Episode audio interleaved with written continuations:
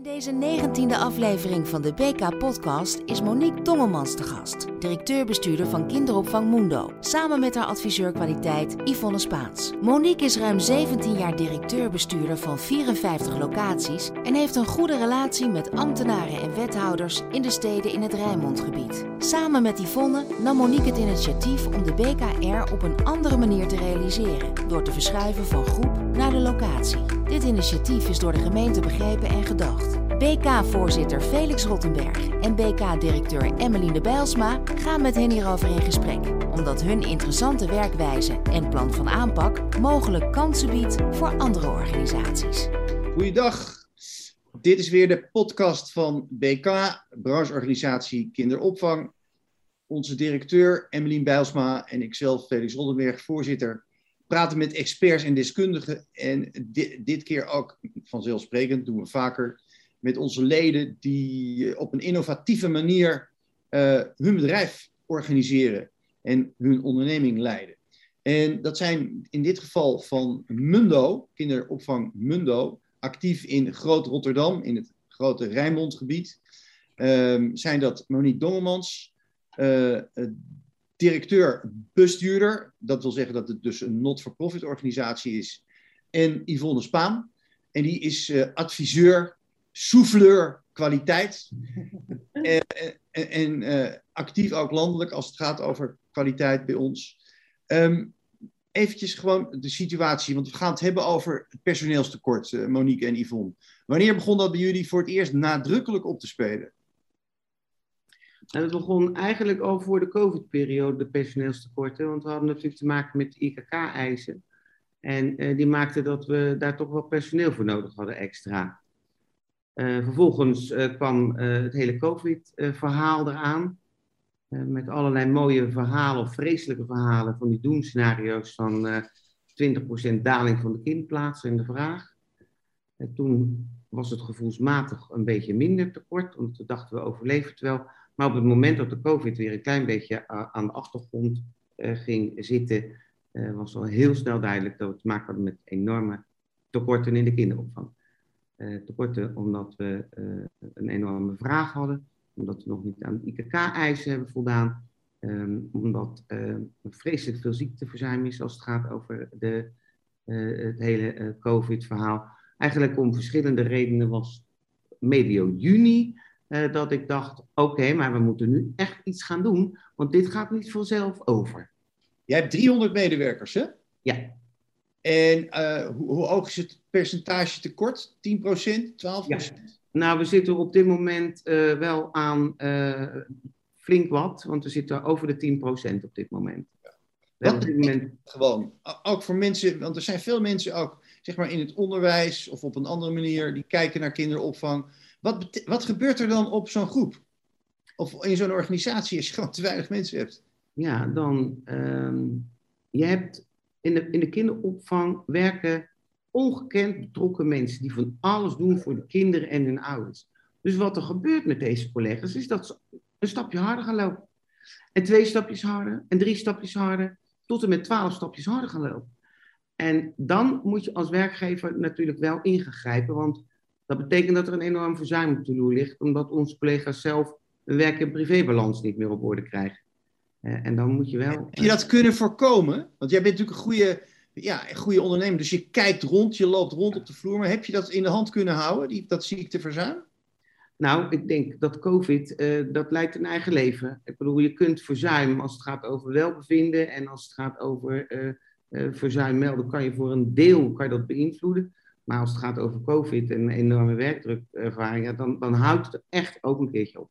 Ja. Dat houdt ook echt een keertje. En, en Emmeline gaat het zo direct met jullie uitvoerig hebben, want het is natuurlijk essentieel over die BKR-regeling. Hè? Uh, en hoe, hoe je die per locatie of, of per groep uh, uh, zeg maar organiseert. Maar ik wil even iets heel moois met jullie doornemen. Want we, dat is een innovatie die nu door veel collega's van jullie ook is overgenomen. Uh, dat gaat namelijk dat jullie dachten, nou, we moeten wat doen. Weet je wat? Door de, verlicht, de verlichting van onze medewerkers doen we door het aanstellen van gastvrouwen en gastheren. Hoe kwamen jullie, Yvonne, hoe kwamen jullie op dat idee? Nou, eigenlijk vorig jaar, precies in deze fase, zaten we met hetzelfde probleem, alleen een andere oorzaak. Want toen was de hoofdoorzaak echt de corona en de enorme uitval van mensen met kleine klachten. Dus we zijn toen eigenlijk gaan kijken hoe kunnen we zorgen dat de mensen zo snel mogelijk op de werkvloer terug kunnen komen door zo snel mogelijk te testen. Maar we hebben ook gekeken welke taken doen die collega's nu allemaal en welke taken kunnen eigenlijk heel goed intern of extern worden uitbesteed. Op welke manier kunnen we heel snel zorgen voor een ontlasting van taken, dat de pedagogisch medewerkers echt doen waar zij voor, uh, wat hun professie is, de zorg voor de kinderen, het ontwikkelingsgericht werken met de kinderen. En we hebben letterlijk gezegd, je was kun je uitbesteden aan de wasseretten. Je schoonmaak, een dag extra schoonmaak. En hoe fijn is het als er voor jou wordt gezorgd en voor de ouders wordt gezorgd. Jij verdient een kop koffie op zijn tijd. Het eten moet er op tijd staan. De fruithapjes voor de kinderen. De aandacht die iedereen nodig heeft. En dat kan echt supergoed gedaan worden door een gastheer of een gastvrouw. En dat is zo warm ontvangen. Um, afgelopen vrijdag hadden wij een fantastische uh, ontmoetingsdag met al onze beroepskrachten. Hoeveel hebben jullie eruit aangesteld? Nou, uiteindelijk eh, zijn er denk ik nu zeven of acht uh, gastvrouwen ja. in dienst. Ja. de focus ligt erop bij de hele dagopvang, 0 tot 4 jaar. Ja. En, en waar haalden jullie die mensen vandaan? Ja, er is eigenlijk, gek genoeg is daar geen gebrek aan. Nee. Er zijn zoveel mensen die instromen, die dit een fantastisch mooie beroep vinden om te doen. Ja, we hebben één advertentie gezet en uh, die hebben we vrijdag gezet. En maandag hadden we 60 reacties van mensen oh. die het hartstikke leuk vonden om gastvrouw te worden. Okay. Um, dat waren mensen die uh, ooit in de kinderopvang hebben gewerkt, een opleiding niet helemaal afgemaakt hadden, maar toch eigenlijk wel ontzettend leuk vonden om daar van alles in te gaan doen. En daar hebben we de zeven, uh, zeven collega's voor aangenomen. En we hebben een aantal collega's een BBL-traject aangeboden gekregen, gegeven, omdat we uh, dachten van mogelijk uh, is het wel leuk als die in de kinderopvang komen. Even voor de niet-kenners, BBL-traject? Dat is een beroepsbegeleidende leerweg. En waarin mensen in werken en uh, opgeleid worden op hetzelfde ja. moment. Als je even nog fantaseert over de toekomst. Hoeveel procent op je totaal van 300, 300 kan gastvrouw gastheer zijn? Doordat je dus tot een andere taakindeling komt. Uh, ik denk dat je, uh, als je het echt goed gaat doen, uh, nou, dat je gauw 10% uh, oh. zou kunnen krijgen. Okay. En dat komt omdat wij hebben, we zijn heel hard gaan kijken naar de niet groepsgebonden taken en niet groepsgebonden uren. En daar is een hele studie inmiddels van gemaakt. En daaruit blijkt dat als het gaat over pedagogisch handelen en niet pedagogisch handelen, dat er een enorm verschil in zit. Dus als het gaat over um, alle pedagogische taken, daar moet je, uh, daar moet je gewoon een beroepsopleiding voor hebben gedaan. Oké. Okay. Mm -hmm. ja. Schoonmaken. Of Voordat Emmeline zo even doorgaat. Um, nou nee, ik introduceer het gewoon. Het, het, andere wat jullie gedaan hebben, dat vond ik ook dat vond ik gewoon moedig. Dat was het op, het op een andere manier hanteren van de beroepskracht kindradio. De, uh, ratio. radio. Uh, dat, maar dat, dat, vond ik wel gedurfd. Ik bedoel, uh, heel goed. Maar dat is niet niks. Als je gaat kijken hoe de kinderopvang nu is georganiseerd, dan, dan zijn er ontzettend veel wettelijke regels die er zijn. En wij hebben gekeken van, we hebben nu een feit. We hebben een feit dat we zitten met een grote personeelstekort. We hebben een feit dat we maken met instabiliteit door corona, uh, zowel bij medewerkers ons als in hun privé. En we hebben gekeken, wat is nu nodig? Er is een mindset nodig. Want als je als medewerker constant gaat streven naar de ideale situatie, loop je elke dag tegen de teleurstelling aan dat het je weer niet gelukt is. En wat doet een teleurstelling? Die put je uit, die maakt je moe, die haalt je werkplezier weg. Wij hebben gekozen voor een mindset en gezegd: teruggaan naar de bedoeling van de kinderopvang. En de bedoeling van onze missie en visie is de ouders ontlasten, zodat zij kunnen werken en hun studie kunnen doen en de kinderen een fantastische belevenisdag bieden op de kinderopvang, waardoor ze spelend kunnen leren, lekker kunnen uitrusten als het nodig is en een fantastische dag beleven. En als we dat als basis houden, dan gaan we daarna kijken wat kan er tijdelijk worden losgelaten, waardoor we niet tekort doen aan die basis. Want we vinden dat elk kind zich op de dagopvang fijn, emotioneel veilig en gezien wil worden.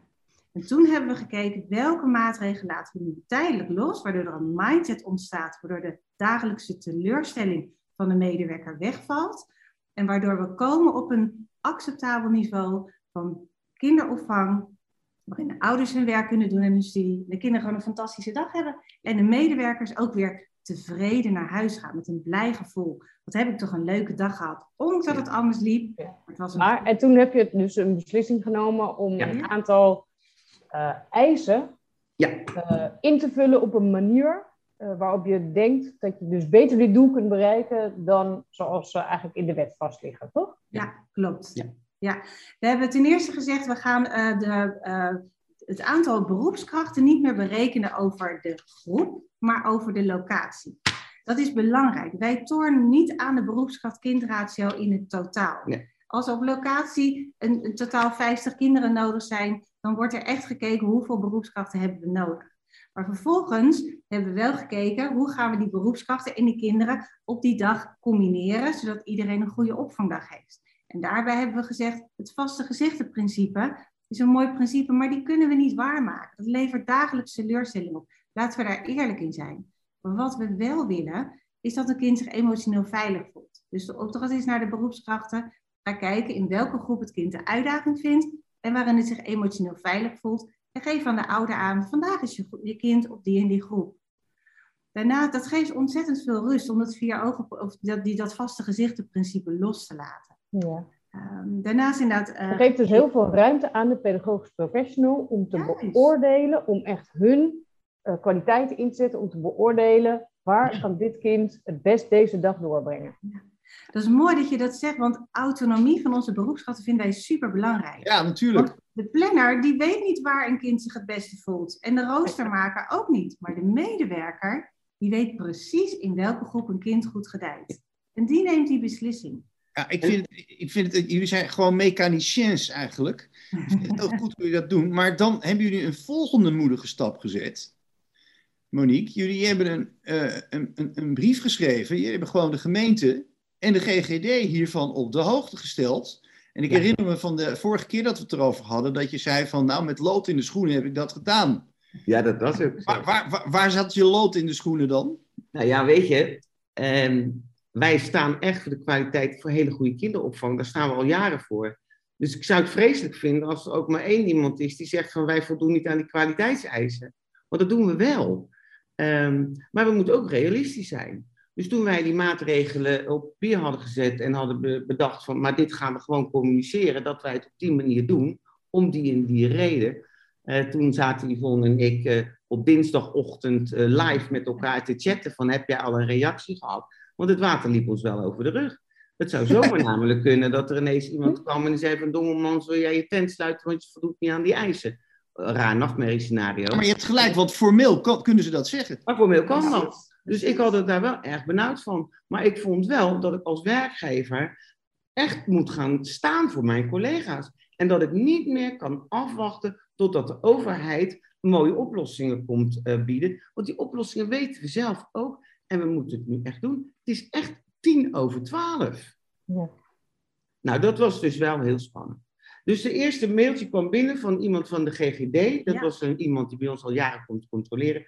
En eh, dat was een heel positief mailtje. Was dat GGD Rotterdam? Of, eh, Ja, dat was GGD Rotterdam. Dat was een positief mailtje van iemand die zei van... Oh, nou, daar gaan we op letten, maar het lijkt ons een goed idee. Dat was nummer één. De gemeenteambtenaar die eh, mailde en die zei... Oh, wat een goed idee. We gaan het even goed lezen en ik ga het eens even met de GGD bespreken. Want ik denk dat je daar een punt hebt. Dat was eh, eh, het zweetdruppeltje nummer drie. En uiteindelijk ehm, eh, kwam vanuit Rotterdam de vraag van... Goh, Monique, we hebben dit met elkaar besproken. We snappen het hele verhaal. We hebben het ook besproken met de GGD. We vinden jullie oplossing eigenlijk wel heel mooi voor de komende periode. Want ze zien daaraan dat we niet aan de feitelijke kwaliteitseisen blijven knabbelen. Dus aan de bedoeling van de wet knabbelen. En eh, ja, dus dat betekent dat we ook nu in allerlei denktanken zitten om ervoor te zorgen dat de gemeente eh, mee gaat werken om deze maatregelen ook te gaan gedogen. Want het Ja, want dat natuurlijk gewoon in, blijft in de wet staan. Maar het, uh, we noemen het noodmaatregelen en noodbreekt wetmaatregelen. Nou, dat is natuurlijk een prachtige uh, mooie zin. Mooi. Ik, ja. ik kan daar van alles over commentariëren, omdat ik juist dat gedogen altijd interessant vind. Maar hoe, hoe, jij bent ook nog politicoloog. Is dit nou, Emmeline, een oplossing voor vele andere collega's van Monique en Yvonne? Ehm, ja, ik denk uh, dat we aan twee kanten eigenlijk uh, hier aan moeten blijven duwen en trekken. Want ik denk dat voor veel collega's het een heel goed idee zou zijn om eenzelfde soort pakket aan maatregelen voor zichzelf te bedenken en met de gemeente daar contact over op te nemen. En uh, de gemeente op te roepen om vooral ook aan de Rijksoverheid te laten weten hoe zij hiermee omgaan. Uh, wij uh, laten ook aan de Rijksoverheid weten hoe wij vinden dat ze daarmee om moeten gaan en waarom we denken dat het geen verlies van kwaliteit is, maar een andere invulling nou, van die kwaliteitseisen. Um, dus ja, het is zeker een middel voor de collega's. En wat ik heel mooi vond van een van de gemeentes, die gaven aan, uh, weet je Yvonne, wij zijn zelf als gemeente regiehouder in hoe ons handhavingsbeleid eruit ziet. Elke mm. gemeente mag ja. zijn eigen handhavingsbeleid schrijven. En wij hebben in ons handhavingsbeleid staan dat wij bij bevindingen van de GGD contact opnemen met de organisatie en gaan kijken, zijn er verzachtende omstandigheden die de aanleiding zijn voor deze bevinding. En in onze regio, en daar zijn we echt ontzettend blij mee, worden deze verzachtende omstandigheden serieus genomen. Want iedereen weet dat tussen de ideale, het ideale plaatje en de dagelijkse praktijk zit een wereld. Het is een wereld van situaties. En als je als gemeente, en dat merken wij heel sterk, luistert naar de organisatie en de houder en begrip hebt voor wat de situatie is, dan kan de, de gemeente daarna bepalen wat vind ik hier nou van vind ik het toch een bevinding waarvan ik denk, die vind ik zo dermate serieus, ik wil die over acht weken opnieuw getoetst hebben? Of vind ik een bevinding waarvan ik zeg, ja, ik vind het logisch, de houder zit in een proces of de locatie heeft een issue, maar wij ontkrachten nooit de bevinding die gedaan wordt. Wij geven alleen aan hoe zijn we in die situatie terechtgekomen, hoe is die in relatie tot de bedoeling van de wet en daar gaan wij het gesprek over aan. En dan komt er heel veel mooie ruimte, die absoluut ook ten gunste is van de kinderen en de ouders. Heeft jou dat verrast, Emmeline? Dat, dat, die, dat dus in het geval van Groot Rotterdam, Rijnmondgebied, dat eigenlijk reusachtig meevalt? Die rol uh, grappig genoeg, eigenlijk ook weer niet. Want wij weten inmiddels dat er behoorlijk wat, zeker grote gemeenten zijn, die ook eigenlijk een beetje in hun maag zitten met de wetgeving en de manier waarop zij daar gedwongen worden op een bepaalde manier mee om te gaan. Ondanks dat ze dus die eigen handhaving natuurlijk mogen beslissen, uh, maar toch ook als ze niet vaak genoeg handhaven op een zwarte lijst kunnen komen. Uh, dus ook de gemeente zit een beetje gevangen in die wet. En uh, nou, bijvoorbeeld de gemeente Amsterdam weten we ook van dat die dat echt graag anders zou zien. Dus ik, het, het zal breder spelen. Waar ik nog benieuwd naar ben, hebben jullie de ouders ook geïnformeerd, Monique en Yvonne? Ja, dat is een goede vraag. Wij hebben um, uh, niet alle ouders daarover geïnformeerd. We hebben wel intensief contact gehad met de centrale oudercommissies daarover. Omdat zij natuurlijk wel moeten weten waarom we welke keuzes maken. En die waren eigenlijk, uh, ja, eigenlijk allemaal gewoon positief. En die hebben ook een, uh, een positief advies gegeven over onze maatregelen. Omdat zij ook van ons weten uh, met welke intentie het uh, gebeurt. En uh, dat het kwaliteit natuurlijk gewoon, nou ja, hoog boven blijft staan. Maar hebben jullie ze geïnformeerd of hebben jullie echt overleg met ze gevoerd hierover? Nee, we hebben ze daar echt overleg mee gevoerd. Oh. Ja, we hebben uitgebreide vergaderingen over gehad. Hey, met en, alle maatregelen en alle goed besproken en doorgenomen. Met. En is er iets van een termijn door de gemeente streep GGD genoemd? van dan en dan gaan we dat opnieuw bekijken?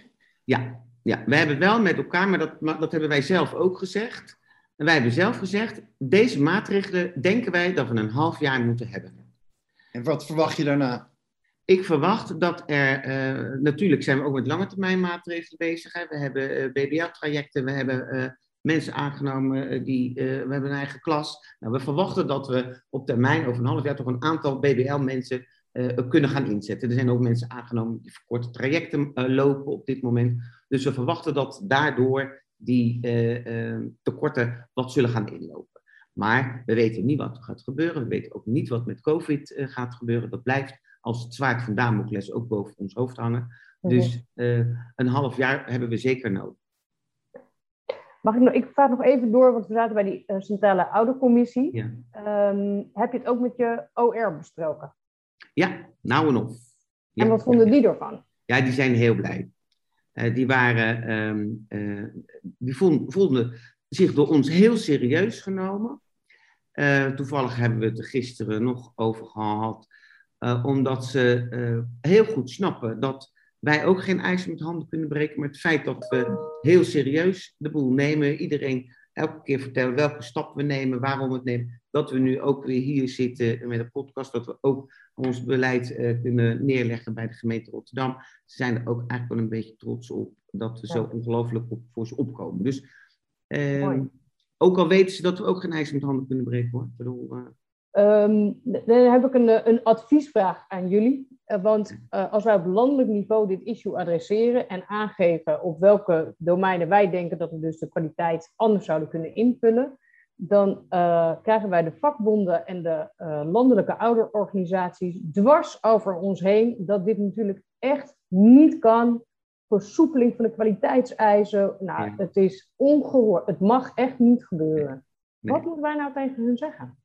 Nou, dat dat geen enkel probleem is, want dan moeten we de tent sluiten en dan hebben we geen kinderopvang.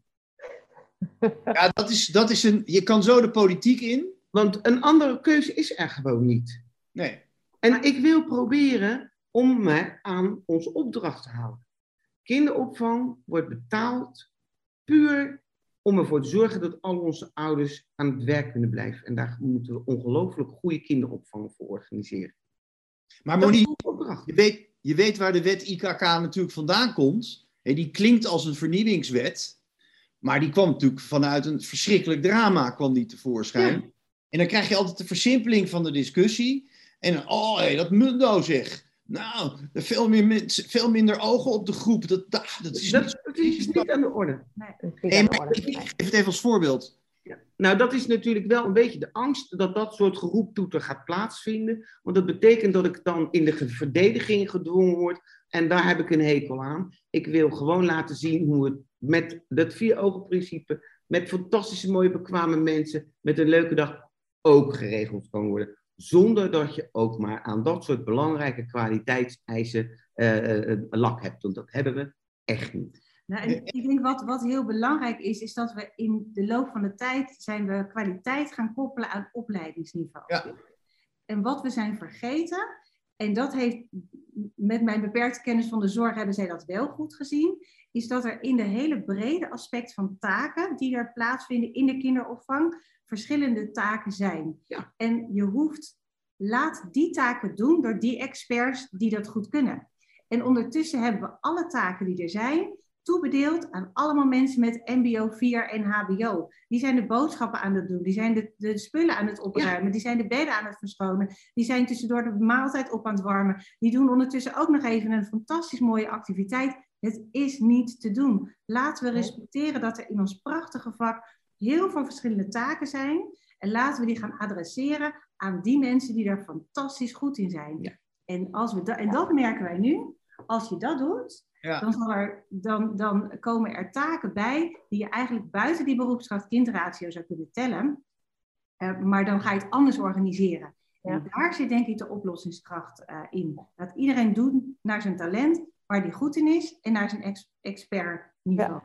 Vanwege, Taken koppelen aan talenten. vanwege de, Emmeline heeft zoals altijd in het recht, het recht op de laatste vraag.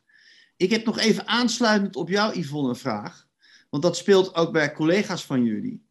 Er zijn natuurlijk eh, studenten pedagogiek, eh, psychologie, ga zo maar doen, door, die tegen hun masters aanzitten, of daar al mee bezig zijn, de scriptie schrijven, die natuurlijk ook, er zijn alle mogelijke mensen die je kan inzetten. Zeker. En gaan jullie dat ook doen? Zitten jullie daar naar te kijken? Wij zijn op dit moment aan het onderzoeken of we ehm, een voorstel kunnen ontwikkelen waarin we zeggen je bent bevoegd en je bent bekwaam. En eh, mensen, wij kennen, ja, wij kennen heel veel mensen die zijn buitengewoon bekwaam. Alleen zijn ze niet bevoegd. We kennen ook buitengewoon veel mensen die zijn bevoegd, maar helaas niet bekwaam. En als, het, als wij de keuze mogen maken, doen wij liever mensen in de organisatie hebben die hartstikke bekwaam zijn. Dus wij zijn nu aan het onderzoeken hoe kunnen we aantoonbaar maken aan de hand van een pop of aan de hand van criteria waar we nog wat mee moeten, dat de mensen niet altijd bevoegd hoeven zijn, maar wel bekwaam. En dan ingebed in een groep met bevoegde collega's, waardoor er altijd, uh, dat klopt. Ja. Maar ik, ik, ik, ik vind het heel interessant hoe jij dit, eh, hoe jij dit doet als uh, maatschappelijk bestuurder. En ook die terminologie gewoon. Uh, niet bevoegd, maar wel bekwaam. Dat geldt natuurlijk voor heel veel, veel beroepen. Er zijn ook de, duur, de beste koks in dure restaurants. Die het vaak zelf geleerd. Emmeline, slotvraag. Slotvraag gaat over de gastvrouwen en heren. Um, want um, de vakbonden vragen eigenlijk al uh, een tijdje aan ons om extra mensen in te zetten om de werkdruk te verlagen. En um, geven vaak aan dat is lastig binnen de tariefstelling zoals die door de overheid wordt gehanteerd. Want het zijn extra handen. Hoe doen jullie dat? Laten we wel zijn, uh, wij hebben een vreselijke luxe positie. We zijn een heel gezonde organisatie. En dat betekent dat wij gewoon financiële ruimte hebben om te zeggen, wij gaan de komende jaren daar extra op inzetten. Dat betekent geen winst. En dat betekent verlies en gebruik maken van je eigen vermogen. En daar hebben we ook eigen vermogen voor. Niet om te potten of panden te kopen, maar om ervoor te zorgen, dat doet iedereen met zijn spaargeld, voor een, slag, een tegenslag. En niet alles opmaken in vakantie. Zo, zo kijk ik ernaar. Goed antwoord. Echt. Mooi. Heel eh, mooi. Ja. Veel dank, jullie beiden, uh, Yvonne en Monique. Uh, ik ben ervan overtuigd dat veel van jullie collega's ook al op deze weg bezig zijn of door jullie gestimuleerd. Hartelijk goed, hè? Dankjewel, hè? Dankjewel. Dag.